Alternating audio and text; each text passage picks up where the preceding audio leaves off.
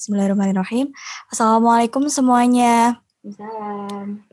Nah, kenalin aku Nadila Yuniar Sabila dan rekan aku Sarif Nurhariana, biasa dipanggil Sarif. Nah, kali ini kami dari Transko Skope Skore, Cimsa Unisula. Nah, kali ini kita bakal ngadain podcast nih. Kita bakal ngobrol-ngobrol mengenai podcast Euforia. Mungkin dari Zarif bisa dijelasin nih podcast Euforia itu gimana? Nah, jadi podcast Euforia ini adalah podcast Exchange with Cimsa yang di mana pada kesempatan kali ini kita kedatangan seorang dokter yang cantik dan sungguh luar biasa. Amin. Yang di mana beliau ini pernah uh, mengikuti program exchange ke Mesir. Wah, berarti narasumber kali ini kita bakal keren banget ya. Nah, mungkin uh, bisa disapa dulu kali ya dari dokternya. Assalamualaikum, Dokter Almira. Waalaikumsalam. Nah, mungkin dari Dokter Almira bisa untuk perkenalkan terlebih dahulu karena tak kenal maka tak sayang. Oke, jadi Assalamualaikum warahmatullahi wabarakatuh. Uh, perkenalkan, saya Almira Salsabila, uh, FK Unisula tahun 2015. Kemudian saya ini alumni CIMSA juga dan me melaksanakan pertukaran pelajarnya di Mesir itu kira-kira tahun 2017. Keren banget ya. Kalau boleh tahu dokter dulu skornya apa pas di CIMSA? Skore juga. Oh, skore ya. Berarti research juga ya dokter ya?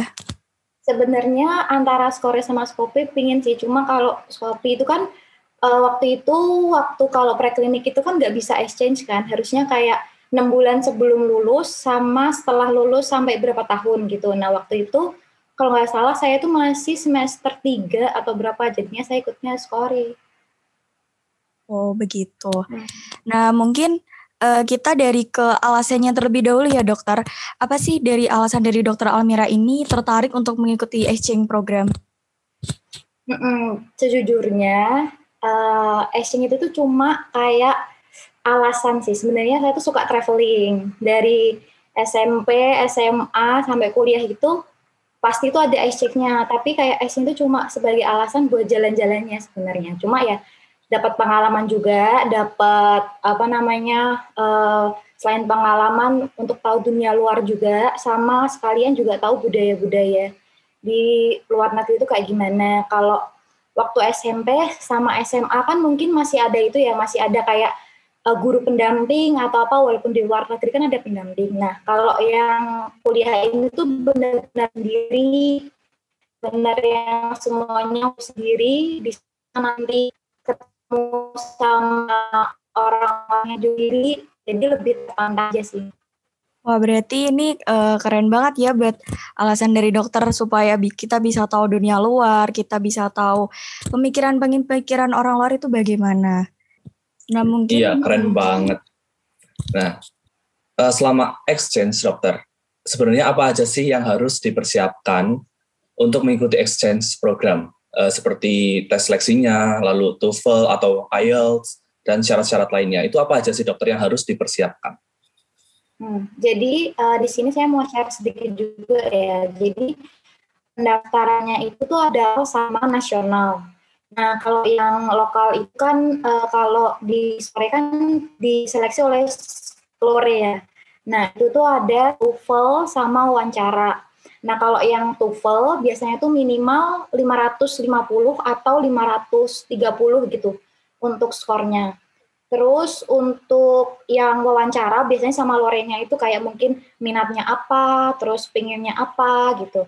Nah, selain itu nanti kita bikin atau um, ngeklik di application formnya itu yang pertama itu uh, apa namanya negara yang diinginkan dulu minimal dua. Nah, dulu karena apa namanya sendirian, jadi saya diperbolehkannya tuh di negara Islam. Jadi saya milih kalau nggak Mesir, Maroko. Nah, habis itu baru kita milih uh, subjeknya kayak mau kardio atau pediatrik atau mungkin neuro. Nah, waktu itu saya lagi uh, semester 3 kan lagi ngehits ngehitsnya kardio. Jadi saya milih kardio. Terus habis itu baru uh, ter terkerucutkan lagi unifnya. Nah, dulu karena di Mesir itu kan uh, terkenalnya Al Azhar University ya. Jadi yang pilihan pertama saya Al Azhar, yang kedua Cairo University. Nah, baru nanti di pihak di nasionalnya nanti keterimanya tuh di univ yang mana kayak gitu. Terus nanti kalau di lokalnya keterima, alhamdulillah nanti dapat uh, email dari CIMSA UI-nya atau CIMSA pusatnya itu nanti berupa card of acceptance-nya, terus sama card of uh, confirmation. Nah, biasanya nanti card of confirmation-nya itu juga diselingi sama kayak pembayaran kontrak bilateral. Nah, itu kontraknya itu buat kayak 50% biaya di sana. Jadi kita nggak bayar 100%, contohnya kayak uh, tempat tinggal, terus kayak uh, apa ya, selain tempat tinggal juga transportasi ke univnya, ke rumah sakitnya, kayak gitu. Terus habis itu selain dapat kontraknya itu kalau nggak salah saya itu bayar empat setengah juta itu uh, untuk bilateral. Jadi kayak semuanya di sana itu insya Allah udah ditanggung kayak biaya kehidupannya. Cuma untuk makan dan lain-lain juga apa namanya pribadi ya. Cuma habis itu habis itu nanti dikasih baru dikasih kontak nih dikasih kontak pihak Mesirnya nanti sama siapa, nanti kita di univ mana, tiap hari ngapain, keperluannya ngapain. Nah, dan satu kayak trik lagi, uh, habis dari dapat email dari Cimsa UI, saya tuh ngecat di UI-nya itu gimana caranya dapat kartu mahasiswa. Saya baca-baca tuh ada namanya kartu mahasiswa internasional atau IFMSA. Nah, itu itu nanti kartunya itu nanti katanya kalau kita uh, apa namanya pesen tiket pesawat dapat diskon. Terus kalau kita mau nongkrong di Starbucks dapat diskon. Jadi kayak setelah itu berlaku kalau nggak salah setahun atau dua tahun. Tapi nyampe sana pun kalau nggak salah itu Starbucks juga tak gunain nggak diskon, cuma tiket pesawat lumayan sih kayak dapat kayak diskon lima ratus ribu atau berapa kayak gitu. Sangat menguntungkan sih. Oh, berarti uh, untuk biayanya itu tidak ini ya dokter ya tidak keseluruhan biaya pribadi begitu ya? Masih iya. Dapat. Mm. Nah berarti kalau untuk universitas yang dituju itu dari diprogramkan dari kampus itu berarti hanya hanya universitas Islam untuk negara dan juga universitas itu dari dokter Almira sendiri yang memilih begitu dokter? Uh, kalau dari kampus itu bebas mau milih negara mana aja, cuma waktu itu kan uh, itu kan kalau dulu SMA atau SMP saya di luar negerinya itu kan nggak Islam karena nggak negara Islam karena ada guru pendamping.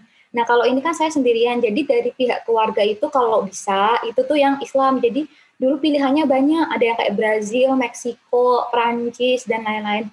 Walaupun juga abis dari Kairo itu melipir dikit ke sana, cuma kan izinnya tetap ke Kairo kan, izinnya tetap ke negara Islam. Wah, keren banget ya Zarif ya. Ya, keren banget, asik. Asik banget. Itu alasannya itu untuk belajar, tapi intinya kita jalan-jalan. Itu yang enak itu sih emang jalan-jalannya itu hmm. sih. Bonusnya Benar. kita dapat ilmu pengetahuan ya dengan dokter. Benar, sama sertifikat sih. Sertifikatnya ter apa namanya terakui secara internasional juga, lumayan. Ya berarti ini penting banget buat ke dunia pekerjaan ke depannya begitu ya dokter? Uh, iya, jadi tuh kan uh, apa namanya saya itu dapat sertifikat itu nanti uh, dulu saya pernah daftar apa ya daftar kayak beasiswa uh, beasiswa juga pertukaran pelajar selain yang Mesir itu karena melampirkan sertifikat itu juga mendukung gitu untuk diterima. Wah keren banget ya dokter ya. Nah, mungkin bisa diceritain nih dokter, mungkin uh, pengalaman yang ada di sana atau mungkin ada nggak sih uh, dokter ini melakukan penelitian di sana atau mungkin ada tantangan terutama dokter kan Indonesia dan Mesir itu kan mungkin ada beberapa perbedaan.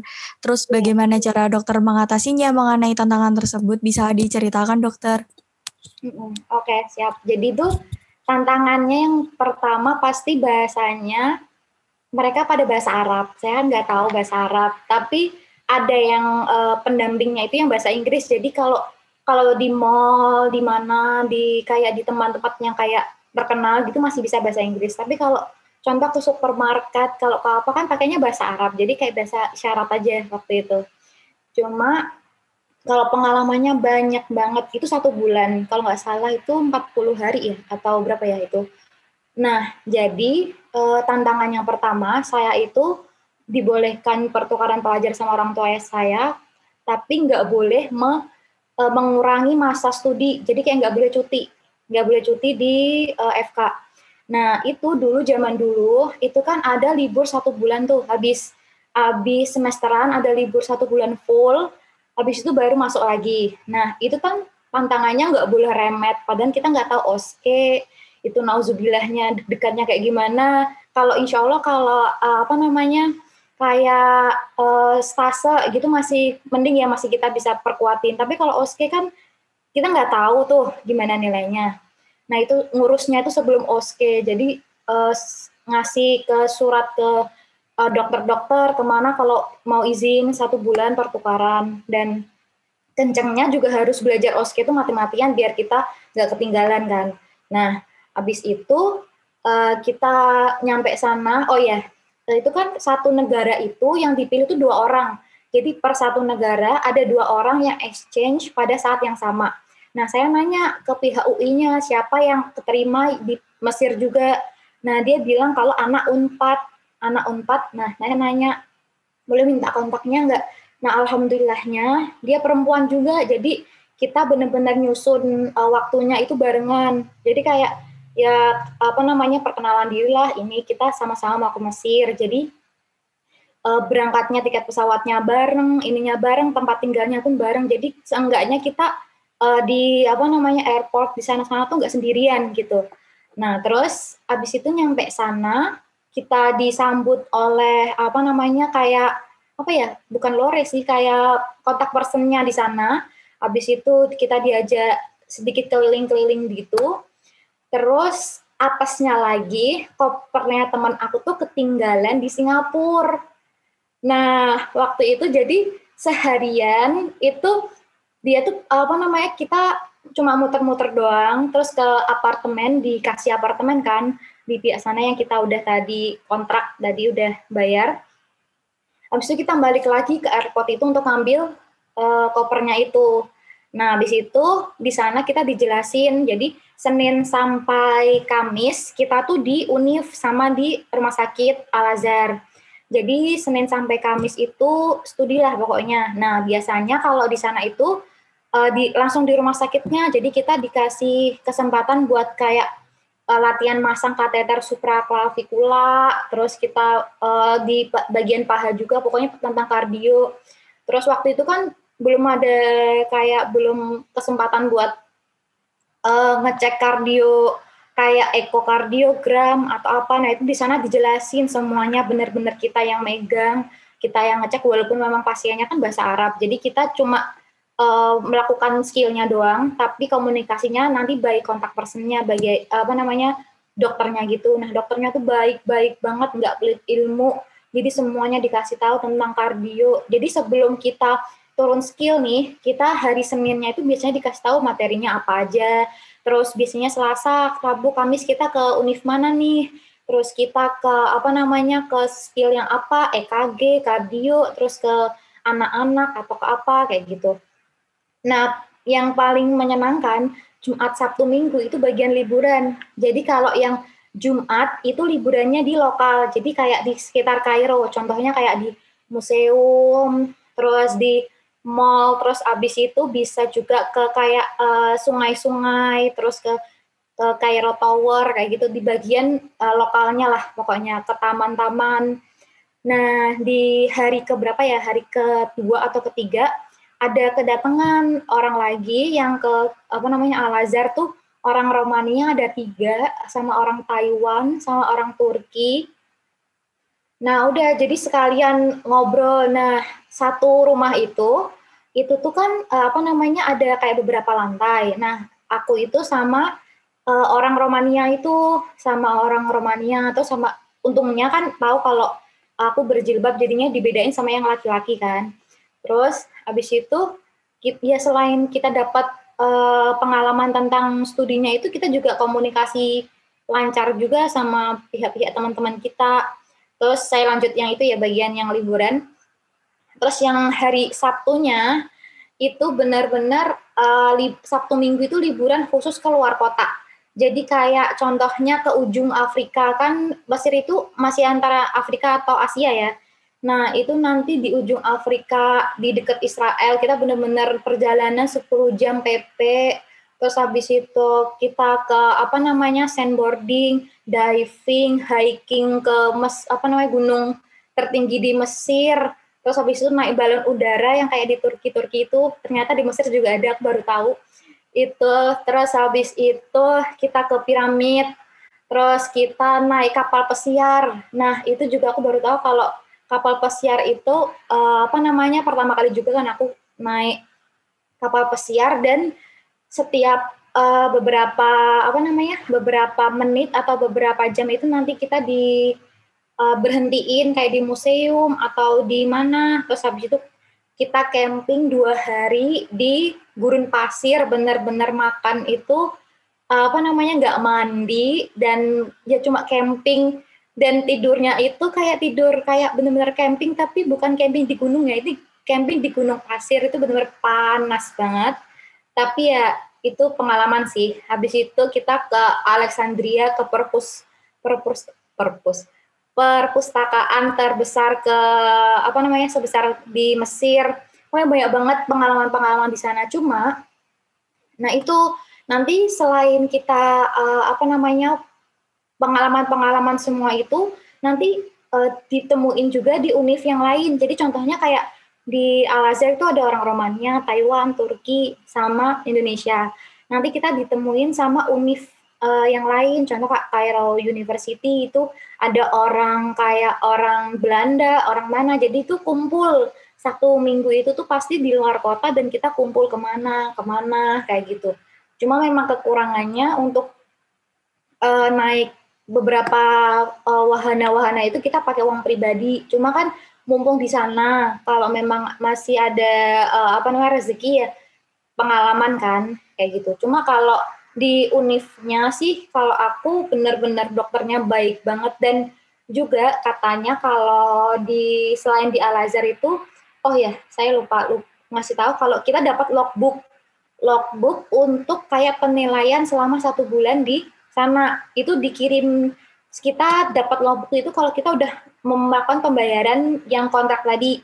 Nah, nanti logbooknya itu isinya tuh kayak pembelajarannya tuh isinya apa aja. Kita udah memenuhi nilai, checklistnya tuh apa aja. Nah, dokter di sana tuh baik banget. Itu langsung dikasih tanda tangan, nilainya juga bagus.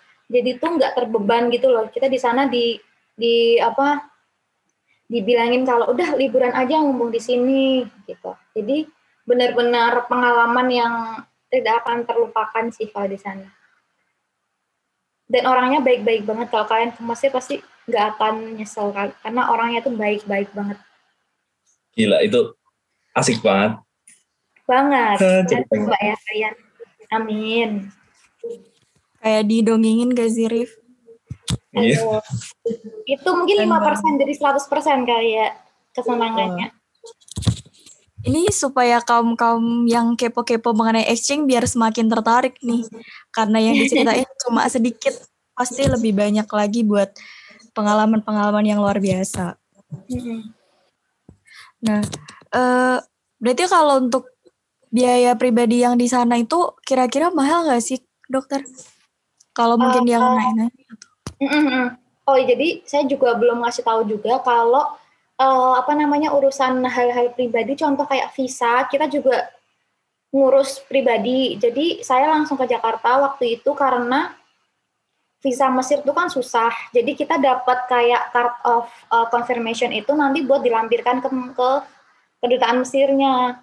Nah itu biasanya kalau visa tuh kalau nggak salah 800 atau 900 ribu itu. Terus sama biaya PP buat ngurus. Habis itu tiket pesawat tiket pesawat PP Kairo sini tuh kalau nggak salah 10 juta kalau nggak salah, 5 jutaan per berangkat gitu. Terus habis itu tukar uang, tukar uang itu ya pribadi aja berapa, tapi jangan apa namanya menurutku jangan terlalu banyak-banyak karena di sana juga ada ATM kan. Jadi uh, ada apa namanya ya tukeran di sana lah jadinya biar aman aja kita bawa dikit aja buat biaya-biaya awal-awal minggu kayak gitu. Terus uh, apa lagi ya? sekitar mungkin kalau mau di range sekitar mungkin 15 sampai 20 itu kalau tergantung biaya apa kehidupannya. Contoh kalau kalian nggak mau ikut uh, balon udara itu kan juga nggak bayar. Terus kalian nggak ikut hiking, kalau hiking kan nggak bayar ya, uh, kayak diving atau apa. Jadi kayak tergantung uh, mana kalian ingin ikut join itu semakin banyak yang dikeluarkan. Tapi kalau kalian kayak oh, pengen belajar doang, habis itu ikut cuma ikut-ikut uh, main tapi tanpa ikut wahana-wahana tertentu ya nggak nggak akan mahal sih menurut kok gitu. Apalagi di sana kan biaya apartemen itunya kan udah ditanggung waktu kita udah bayar di awal kan yang empat setengah juta itu kan, gitu. Nah dok, uh, jadi kan banyak banget nih mahasiswa yang berminat untuk ikut program ekstensi ini. Mungkin dokter bisa ngasih nih tips and triknya supaya bisa uh, ikut program exchange ini.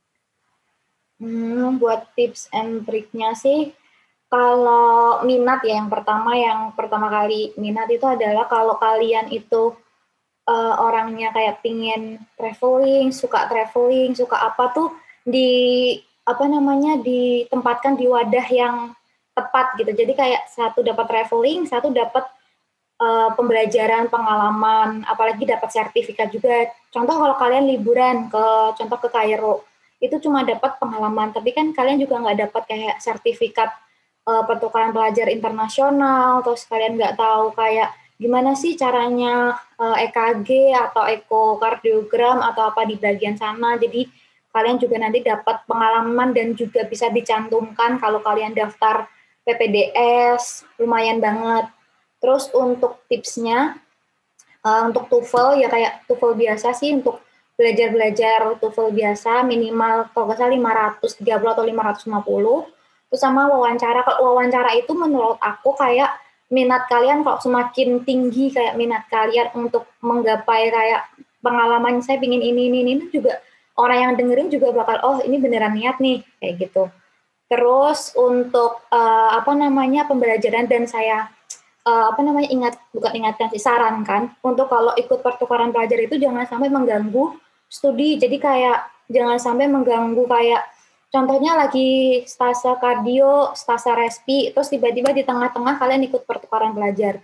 Kalian juga ada pengalaman sih, cuma pulang-pulang kan puyeng lagi tuh, uh, ngulang lagi atau apa gitu kan. Jadi kalau bisa kita uh, mati-matian untuk menggapai satu uh, semester itu tuntas, nanti abis itu baru exchange-nya itu tuh kayak sebuah bonus gitu. Nanti kita pulang dari exchange, kita semester baru lagi. Jadi kita nggak ada yang tinggal sama sekali, kayak gitu. Habis itu kalau, hmm, oh ya, jangan takut untuk bahasa Inggris kalau aku. Mau bahasa Inggrisnya belepotan atau enggak, tapi kalau di sana kalian harus dipaksa pakai bahasa Inggris. Jadi saya sama teman saya Unpad itu sampai uh, punya kayak peraturan itu kita ngomong berdua itu juga pakai bahasa Inggris biar kayak nggak kebawa pakai bahasa Indonesia kalau ngomong sama orang Mesir sama orang uh, Romania orang Taiwan gitu jadi jangan sampai malu pakai bahasa Inggris karena pun mereka pun juga bahasa Inggrisnya nggak yang kayak sekeren native-native yang kayak uh, apa namanya vocabulary-nya bagus terus itunya bagus juga enggak gitu yang penting tahu komunikasinya aja mereka mudeng kita mau apa terus uh, kebutuhan sehari-hari bisa gitu. Terus habis itu habis itu jangan yang terakhir jangan lupa buat nyari temen. Jadi kayak SKSD nggak apa-apa kayak eh, hey gini gini gini. Yang penting kita punya teman gitu loh. Kita kalau semuanya mau ke negara ini kita punya teman. Contohnya nih teman aku Taiwan kemarin ke Indonesia itu dia benar-benar ke Semarang. Dia nyari uh, apa namanya ke tempat aku kita Terus yang teman aku yang Unpad itu, yang Bandung itu juga ke Semarang. Jadi kita ke mana-mana muter-muter karena orang Taiwan itu tuh penasaran sama Indonesia. Jadi silaturahminya tuh masih terjalin gitu. Oh, yang orang yang Romania juga kemarin mau ke sini tapi dibatalin karena pandemi. Jadi kayak benar-benar kita nggak usah malu bahasa Inggris, kita nggak usah malu SKSD. Mereka juga kalau kita salah bahasa Inggris juga mungkin diketawainya juga nggak bakal di depan gitu loh. Jadi jangan jangan uh, apa namanya salah atau jangan uh, menyerah untuk nyoba bahasa Inggris, nyoba SKSD, nyoba apa, nyoba apa kayak gitu. Yang penting akademiknya jangan terganggu kalau trip trip apa namanya tipsnya. Sangat berguna sekali untuk tips and triknya ya dokter. Uh, ini mau nanya lagi dokter, saat dokter Almira ini daftar itu kan ada banyak banget nggak sih kayak saingannya gitu kan karena yang keterima dari Indonesia kan cuma dua doang dokter Almira sama yang dari Unpad itu mm. untuk saingannya itu banyak atau enggak sih dokter? Kalau itu kan biasanya saya nanya ke yang lorenya kan itu gimana sih uh, apa namanya buat uh, tips and triknya buat itu nah katanya tuh yang penting itu kayak uh, kalau dia bilang kalau beliau bilang itu yang penting kita usaha dulu. Nah waktu itu yang kalau nggak salah yang daftar Mesir itu ada beberapa, cuma nggak tahu kenapa tuh uh, nggak tahu itu kayaknya seleksinya itu kan bagian di bagian UI-nya ya, itunya di yang negara-negara tertentunya itu. Mungkin waktu itu karena Mesir itu lagi kalau nggak salah ada itu ya, ada apa konflik kalau nggak salah deh. Jadi itu nggak terlalu se, se itu sebanyak di negara-negara lainnya. Tapi kalau menurutku tipsnya itu atau itunya pasti sangat banyak banget. Soalnya satu negara cuma bisa dua orang. Jadi waktu aku nanya, aku pingin banget ke uh, Prancis.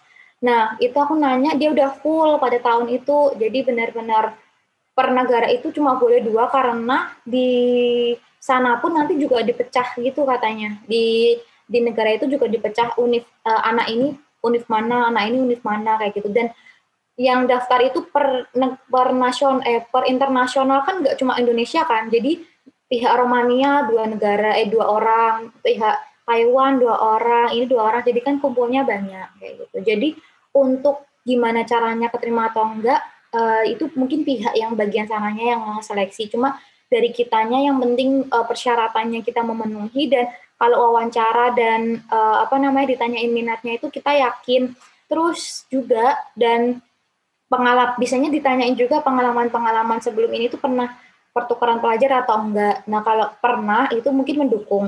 Tapi kalau enggak pernah ya siapa salahnya untuk mencoba gitu kan. Siapa tahu juga keterima gitu. Wah, ini Berarti ini ya dokter ya cukup ketat ya untuk seleksinya.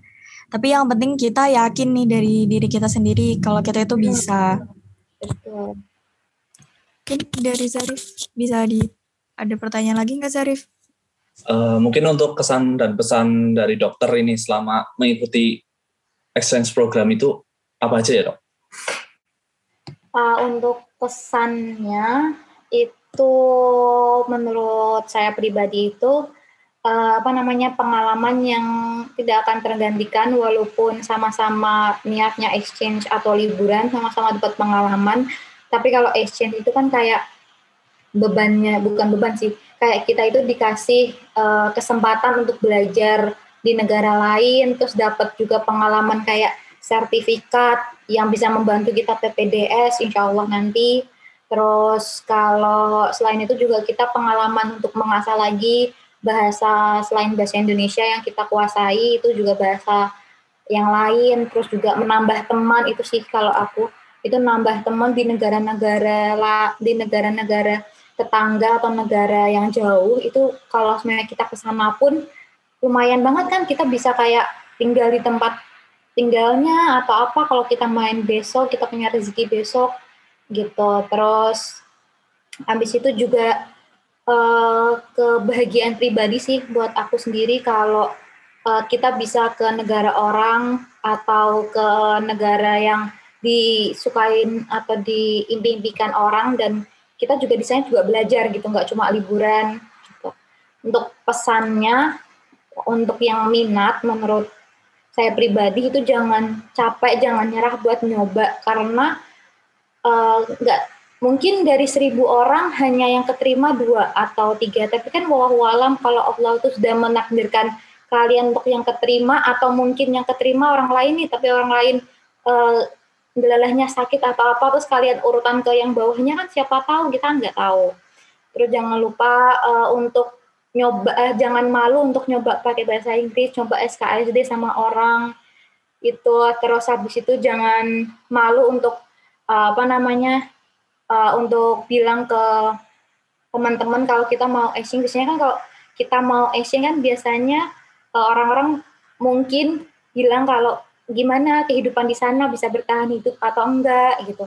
Kita juga bisa membuktikan kalau kita tuh juga bisa bertahan hidup makanan-makanan di sana kita juga uh, bisa bisa itu terus habis itu pengalaman-pengalaman juga kita pulang-pulang tuh juga uh, digantikan oleh semua ketakutan yang kita pikirkan di awal gitu bisa apa enggak ya kita bisa komunikasi apa enggak makanannya cocok apa enggak ini cocok apa enggak terus nilainya gimana gitu. Nanti lama-lama kalau kita udah enjoy kita udah nyampe sana udah nggak kepikiran itu pulang-pulang tuh nggak pingin pulang malahan.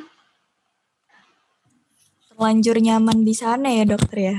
Iya awalnya sih jujur aku selama esi nggak pernah homesick Astagfirullah. Tapi gimana seru? Nah ini uh, saya mengucapkan terima kasih sebanyak-banyaknya buat Dokter Almira sudah meluangkan waktu. Mungkin bisa meningkatkan semangat nih buat teman-teman yang semakin berminat untuk melakukan exchange, semakin berminat untuk meningkatkan banyak ilmu, semakin meningkatkan pengetahuan mengenai pemikiran-pemikiran yang orang-orang yang ada di uh, belahan dunia bisa menambah pengalaman, menambah teman, banyak sekali manfaatnya. Ya, semoga pandemi ini segera berlalu sehingga yang Amin. punya mimpi untuk exchange ke negara impiannya semoga segera terwujud dan jangan lupa CIMSA Empowering Medical Student Improving Nation Health. Wassalamualaikum warahmatullahi wabarakatuh. Bye-bye. Bye. Bye.